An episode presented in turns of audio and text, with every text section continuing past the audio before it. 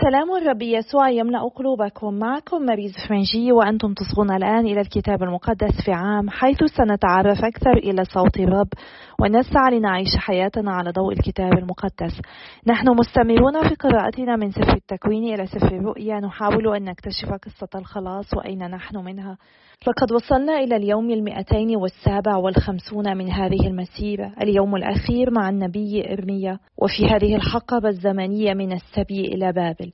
اليوم سنقرأ الفصل الثاني والخمسون والأخير من سفر إرميا وسنقرأ الفصل الوحيد من سفر عبادية. ومن سفر الأمثال من الفصل الثامن عشر من الآية الثالثة عشر حتى الآية السادسة عشر. فلنبدأ بصلاتنا المعتادة. بسم الله والابن والروح القدس إله واحد آمين. أيها الرب القدوس الذي لا يموت قدس أفكارنا ونقي ضمائرنا فنسبحك تسبيحا نقيا ونصغي إلى كتبك المقدسة لك المجد إلى الأبد آمين. سفر النبي إرميا الفصل الثاني والخمسون والفصل الأخير. ملحق تاريخي. صدقية ومصير أورشليم. وكان صدقي ابن إحدى وعشرين سنة حين ملك وملك إحدى عشرة سنة في أورشليم واسم أمه حموطال بنت إرميا من لبنى. وصنع الشر في عيني الرب بحسب كل ما صنع يياقيم وكان ذلك بسبب غضب الرب على أورشليم وعلى يهوذا حتى نبذهم من وجهه. وتمرد صدقي على ملك بابل وفي السنة التاسعة لملكه في اليوم العاشر من الشهر العاشر زحف نبوكدنصر ملك بابل هو وجميع جيوشه على أورشليم وعسكروا عندها وبنوا حولها تحصينات فصارت المدينة تحت الحصار إلى السنة الحادية عشرة للملك صدقية.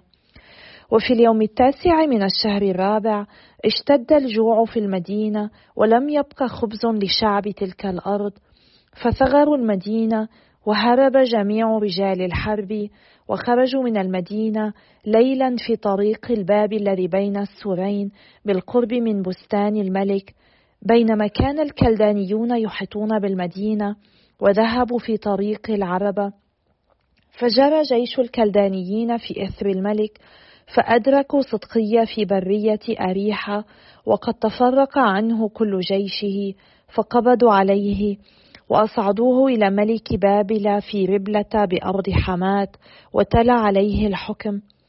وذبح ملك بابل بني صدقية أمام عينيه وذبح أيضا جميع رؤساء يهوذا في ربلة. وفقأ عيني صدقية وأوثقه بسلسلتين من نحاس وجاء به ملك بابل إلى بابل وجعله في بيت الحرس إلى يوم موته. وفي الشهر الخامس في اليوم العاشر من الشهر في السنة التاسعة عشرة للملك نبوكدنصر ملك بابل قدم إلى أورشليم نبوزردان رئيس الحرس الواقف أمام ملك بابل وأحرق بيت الرب وبيت الملك وجميع بيوت أورشليم وأحرق بالنار كل بيت للعظماء وهدم كل جيش الكلدانيين الذين مع رئيس الحرس جميع أسوار أورشليم مما حولها. وجلى نبوزردان رئيس الحرس بعضا من مساكن الشعب وسائر الشعب الذي بقي في المدينة والهاربين الذين هربوا إلى ملك بابل وسائر الصناع. وترك رئيس الحرس من فقراء الأرض الكرامين والفلاحين وحطم الكلدانيون أعمدة النحاس التي في بيت الرب والقواعد وبحر النحاس الذي في بيت الرب وحملوا كل نحاسها إلى بابل. وأخذوا القدور والمجارف والمقارد والكؤوس والقصاع وجميع أدوات النحاس التي كانوا يخدمون بها. وأخذ رئيس الحرس الطسوط والمجامر والكؤوس والقدور والمنارات والقصاع والأقداح ما كان منها ذهبا فالذهب وما كان منها فضة فالفضة. وأما العامدان والبحر والإثنى عشر ثورا من نحاس التي تحت القواعد التي صنعها الملك سليمان لبيت الرب فلم يكن لنحاس هذه الاواني من وزن يقدر. وكان العمودان طول الواحد ثمانية عشرة ذراعا ومحيطه خيطا اثنتي عشرة ذراعا وسمكه أربع أصابع وهو أجوف. وعليه تاج من نحاس وعلو التاج الواحد خمس أذرع. وعلى التاج حبيكة ورمان من حولها. الكل من نحاس وكذلك كان العمود الثاني والرمانات. وكانت الرمانات ستة وتسعين على الجوانب وجملة الرمانات مئة على الحبيكة من حولها. وأخذ رئيس الحرس سرايه الكاهن الأول وصفنيا الكاهنة الثانية وحراس الأعتاب الثلاثة. وأخذ من المدينة خصيا واحدا وهو الذي كان مولى على رجال الحرب وسبعة رجال ممن يشاهدون وجه الملك والذين وجدوا في المدينة وكاتب قائد الجيش الذي كان يجند شعب تلك الأرض وستين رجلا من شعب تلك الأرض الذين وجدوا في داخل المدينة أخذهم نبوزردان رئيس الحرس وساقهم إلى ملك بابل في ربلة فضربهم ملك بابل وقتلهم في ربلة في أرض حمات وجلي يهوذا من أرضه. هذا عدد السكان الذين جلاهم نبوكدنصر في السنة السابعة ثلاثة آلاف وثلاثة وعشرون من بني يهوذا وفي السنة الثامنة عشرة لنبوكدنصر من أورشليم ثمانمائة واثنان وثلاثون نفسا وفي السنة الثالثة والعشرين لنبوكدنصر جلى نبوزردان رئيس الحرس من بني يهوذا سبعمائة وخمسة وأربعين فيكون مجموع النفوس أربعة آلاف وستمائة. وكان في السنة السابعة والثلاثين لجلاء يوياكين ملك يهوذا في الشهر الثاني عشر في الخامس والعشرين منه أن أويلا مروداك ملك بابل عفى عن يوياكين ملك يهوذا وأخرجه من السجن وكلمه بكلام طيب وجعل عرشه أعلى من عروش الملوك الذين معه في بابل وغير ثياب سجنه وبقي يتناول الطعام دائما أمامه كل أيام حياته. وكانت له معيشة دائمة تعطى له من عند ملك بابل أمر كل يوم في يومه إلى يوم مماته كل أيام حياته. الفصل الأول والوحيد من سفر عبديه العنوان رؤيا عبديه المقدمة هكذا قال السيد الرب في أدوم وقد سمعنا بلاغا من لدن الرب وأرسل رسول إلى الأمم قائلا قوموا ولنقم عليه للقتال الحكم على أدوم ها أنا ذا قد جعلتك صغيرا في الأمم إنك حقير جدا. لقد أغواك الاعتداد بنفسك أيها الساكن في نخارب الصخر والذي مسكنه المرتفعات والقائل في قلبه من ينزلني إلى الأرض؟ إنك ولو ارتفعت كالعقاب وجعلت عشك بين الكواكب من هناك أنزلك يقول الرب. القضاء على أدوم. لو أن السراق أتوك أو الناهبين ليلا فيا لدمارك. أما يسرقون ما يكفيهم. لو أن القاطفين أتوك أما كانوا أبقوا إلا خصاصة. كيف فتش عيس وفحصت خباياه جميع مخالفيك طردوك من الحدود وخدعك مسالموك. وسيطروا عليك وأكلوا خبزك جعلوا فخا من تحتك. إنه لا فهم فيه. أليس في ذلك اليوم يقول الرب؟ أني أبيد الحكماء من أدوم والفهم من جبل عيسو فيفزع أبطالك يا تيمان لكي ينقرض كل رجل من جبل عيسو خطيئة أدوم. بسبب قتلك وعنفك لأخيك يعقوب سيغشاك العار وتنقرض للأبد. فإنك يوم وقفت تجاهه يوم سلب الغرباء أمواله ودخل الأجانب أبوابه وألقوا القرعة على أورشليم. كنت أنت أيضا كواحد منهم. فلا تشمت بيوم أخيك بيوم مصيبته ولا تفرح بسبب بني يهوذا في يوم هلاكهم ولا تتعظم بفمك في يوم الضيق. لا تدخل بيت شعبي في يوم بليته ولا تشمت أنت أيضا بكارثته في يوم بليته ولا تلقي يدك على ثروته في يوم بليته ولا تقف على المفرق لتقرد الناجين ولا تسلم الباقين احياء منه في يوم الضيق. فإن يوم الرب قريب على جميع الأمم فكما فعلت يفعل بك ويعود انتقامك على رأسك. انتقام إسرائيل من أدوم في يوم الرب.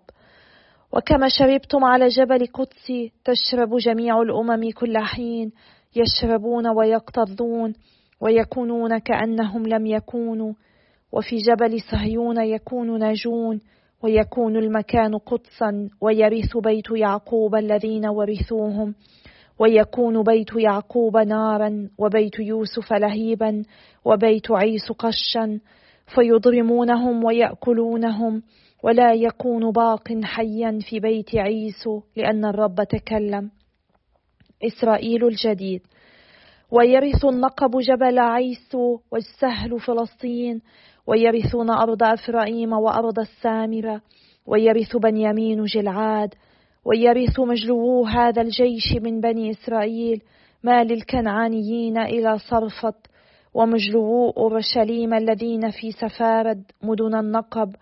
ويصعد مخلصون على جبل صهيون ليدينوا جبل عيسو ويكون الملك للرب.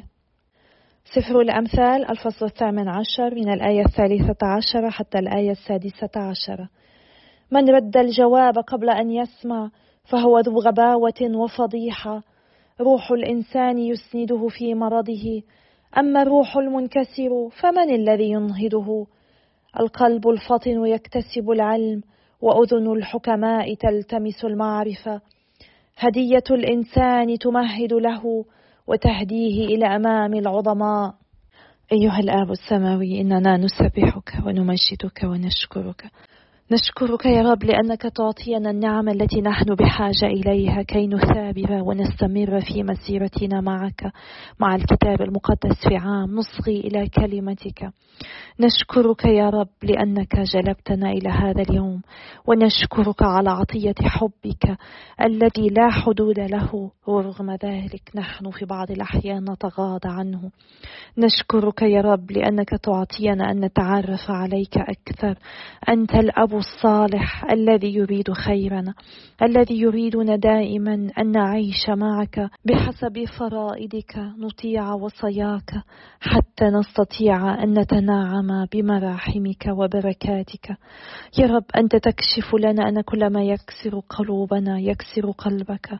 أنت يا رب قد خلقتنا على صورتك ومثالك. وقد خلقتنا بهدف أكبر من أن نستطيع أن نتخيله أو نحلم فيه أو نتأمله. أنت يا رب تريدنا أن نكون لك.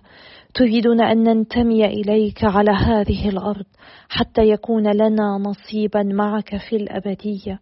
لكننا نحن غالبا يا رب نتعلق بهذه الارضيات وننسى أن هناك شيئا أعظم من ذلك بانتظارنا معك. أعطنا يا رب في هذا النهار أن نختار ما أنت خلقتنا لأجله. أعطنا أن نكون الأشخاص الذين خلقتهم وافتديتهم بجسدك ودمك. أعطنا النعمة يا رب كي نعيش كأبناء وبنات لك. نشهد لك في كل ما نقوله ونفعله ونفكر فيه. باسم الرب يسوع نصلي آمين. بسم الله والابن والروح القدس إله واحد آمين. لقد وصلنا إلى يومنا الأخير في هذه الحقبة الزمنية وقد نسيت أن أخبركم أننا غدا سنتوقف مع إنجيل القديس متى. أنا متحمسة جدا لكي نبدأ في هذه المحطة مع المسيح المحطة الثالثة لنا في مسيرتنا مع المسيح. رأينا اليوم في آخر فصل من سفر إرميا أن الملك صدقية حاول أن يهرب من مدينة أورشليم ولكنه تم القبض عليه وأخذوه إلى ملك نبوخذ نصر الذي قتل أولاده أمام عينيه ثم رؤساء شعبه وفقع عينيه وقيده بسلاسل نحاسية حتى لا يهرب واقتاده مسبيا إلى بابل وألقاه في السجن حتى نهاية حياته. للأسف عندما أتيحت الفرصة لصدقيا هنا نرى أنه قد هرب ولكنه لم يصغ في السابق لإرميا الذي نصحه بأن يستسلم. ربما لو فعل ذلك لكان وفر على نفسه وعلى شعبه الكثير من المعاناة. وفي هذا درس لكل واحد منا. هناك وقت لكل شيء كما قلنا سابقا. هناك وقت للقتال هناك وقت للوقوف هناك وقت حتى للاستسلام. بعد الاستيلاء على أورشليم وسبي الملك وقتل العظماء وسبي الكثيرين إلى بابل رئيس الحرس نبوزردان دمر أورشليم وأحرق هيكل سليمان وقصر الملك وقصور العظماء بعد أن سلب ما فيها. وهذا الدمار للمدينة أيضا كان كبيرا جدا. وسنرى لاحقا بعد العودة من السبي كيف أن الكثير قد تطلب من الشعب اليهودي كي يستطيع أن يبني ما دمره البابليون. الهيكل الذي بناه سليمان صنعه من مواد ثمينة جدا من ذهب وفضة وبرونز. وكل ما قد صنعه منه قد نهب ونقل إلى بابل وتحول الهيكل إلى أنقاض وعندما يتم إعادة بنائه لاحقا سيشبه ظلا من الهيكل لأنه لن يكون بعظمة الهيكل الذي بناه سليمان. وقرأنا في السنة السابعة والثلاثين لجلاء يوياكين ملك يهوذا علم أحد خليفة نبوخذ نصر أن يهوياكين ملك يهوذا لا يزال في السجن فأطلق سراحه ودعاه ليعيش في قصر الملك ويأكل طعاما على مائدته وأعطي له أن يعيش مكرما حتى نهاية حياته في بابل. حصل يوياكين على امتيازات معينة بسبب مركزه الملكي وفيما ذلك درجة من الحرية وراتب. علينا أن نتذكر أن يوياكين كان ملك يهوذا أي أنه من نسل داود الذي سيأتي منه الرب يسوع المسيح. هو لم يكن ملكا صالحا ولكن الله سمح له أن يقضي سبعة وثلاثين سنة في السجن ليعوض عن الخطأ الذي ارتكبه. ونستطيع أن نرى في هذا نوعا من العدالة. علينا أن نتذكر دائما أن كل قراراتنا لها عواقب وقد نعاني بسبب خطايانا. ولكننا نرى مما حدث مع يوياكين أن معاناتنا ليس عليها أن تستمر إلى الأبد. الله لم يتركنا أو ينسانا. يمكن أن يطلق سراحنا من السجن وأن نعطى مقعدا على طاولة الملك تماما كما حدث مع يوياكين. يعني أن الرب يستطيع أن يعيدنا إلى مركزنا. الخطيئة تفصلنا عن الله وتسبب الكثير من المعاناة. والله بسبب رحمته يعطينا فرصة كي نعود إلى مركزنا كأبناء له. نحن ليس علينا أن ندفع إلى الأبد ثمن خطايانا. نحن ندرك كمسيحيين أن الرب يسوع قد فعل ذلك عنا. نعم هناك عواقب لأفعالنا ولكن إذا جئنا إلى الرب بقلوب تائبة ورغبنا بأن نعوض عن أخطائنا الرب مستعد ليغفر لنا. الله مستعد ليفيض رحمته علينا مرة أخرى. فلنأخذ بعض الوقت ولنرى ماذا يحاول الرب أن يعلمنا من قصة يوياكين. ما هو الخطأ الذي ارتكبناه الذي يسبب معاناة كثيرة لنا ونحن ربما لم نتب عنه؟ يجب أن نطلب من الرب النعمة كي نرى الأخطاء التي ارتكبناها ونتوب عنها. هو دائما بانتظارنا كي يفيد رحمته علينا. قرأنا اليوم أيضا أقصر كتاب في الكتاب المقدس يتألف فقط من فصل واحد عبدية الذي يعني اسمه خادم أو عابد الرب. يبرد هذا السفر أقصر واحد في العهد القديم كمثال صارخ واضح لكيفية تعامل الله مع كل من سعوا للإساءة إلى أولاده. نحن نتذكر أن الأدوميين يرتبطون بصلة دم ببني إسرائيل فهم من ذرية عيسو الذين ورثوا عنه الشراسة والصرامة والاعتزاز بالنفس كمقاتلين يصعب قهرهم. نتذكر عيسو هو أخو يعقوب ابن إسحاق ويعقوب هو الذي خدع أخيه عيسو وأخذ منه البكرية. ونتذكر أنهما لاحقا تصالحا ولكن للأسف رغم أنهما تصالحا وحاولا أن يكونا حقا عائلة إلى أن هذا الأمر لم يحدث مع شعبهم لأن الأدوميين لم يسارعوا إلى نجدة أولاد عمهم في الشمال عندما كانوا بحاجة إليهم. لا بل شمتوا في إسرائيل التي تعرضت للمتاعب وقبضوا على لاجئين لاجئيها وأسلموهم إلى الأعداء ونهبوا قراهم. لذلك عبيديا سلم رسالة الله إلى أدوم إذ وقفوا مذنبين محكوم عليهم بالسقوط بسبب لا مبالاتهم واستخفافهم بالله وما اتسموا به من غرور وجبن وغدرهم بإخوتهم في يهوذا. الأدوميون شعروا بالأمان والفخر بسبب اكتفائهم الذاتي لكنهم كانوا يخدعون أنفسهم إذ أن الأمان لا يدوم بعيدا عن الرب. وهذا يجب أن يدفعنا لنطرح هذا السؤال على أنفسنا. هل نحن نستمد أماننا من الأشياء أو الأشخاص أو من الله؟ أي قدر من الأمان يمكن لهذه الأشياء أو الأشخاص أن يوفروه لنا على الدوام؟ الممتلكات والأشخاص يختفون في لحظة ولكن فقط الله وحده أبدي لا يتغير ابدا. وحده يمدنا بالأمان الحقيقي. وقد بدأ هذا السفر بإعلان الكارثة المزمعة أن تحل على أدوم إذ لن يهربوا من قصاص الله مهما تحصنوا داخل الكهوف المنيعة والجبال. ثم يتبع بدي ذلك بأسباب الحكم غطرستهم الوقحة أمام الله واضطهادهم لأولاده. ثم نرى ختام هذه النبوءة الموجزة بوصف ليوم الرب عندما يحل العقاب بكل من أساء إلى شعب الله. للأسف هذا السفر يرينا نتيجة العداوة القديمة بين أدوم وإسرائيل. أدوم تباهى بمكانته المرتفعة لكن الله هوى به لأسفل. لذلك يجب ألا يغتر من يشعر اليوم برفعته أو قوته سواء كان أمة أم مؤسسة أم كنيسة أم أسرة. فكما سقط أدوم بسبب غروره هكذا سيهلك كل من يستخف بالله. كل من يستهين بالله سيواجه مصيره المحتوم مثل أدوم. كل أمة تثق كثيرا بقوتها وغناها وتقدمها التكنولوجي وحكمتها أكثر مما تثق بالله. ستتوارى حتما وسيكتشف كل المغرورين يوما ما أن لا أحد فوق عدالة الله. هناك درس مهم يمكننا أن نتعلم من قصة الأدوميين. عيسو وأخاه يعقوب تصالحا ولكن نسلهما ما زالا يحملان الضغينة وفي النهاية تم تدميرهما. نسلهما ادعيا أنهما عائله ولكنهما لم يختارا أن يحبا بعضهما بصدق. وفي هذا تحدي لكل واحد منا أن نختار أن نحب بأمانة وصدق.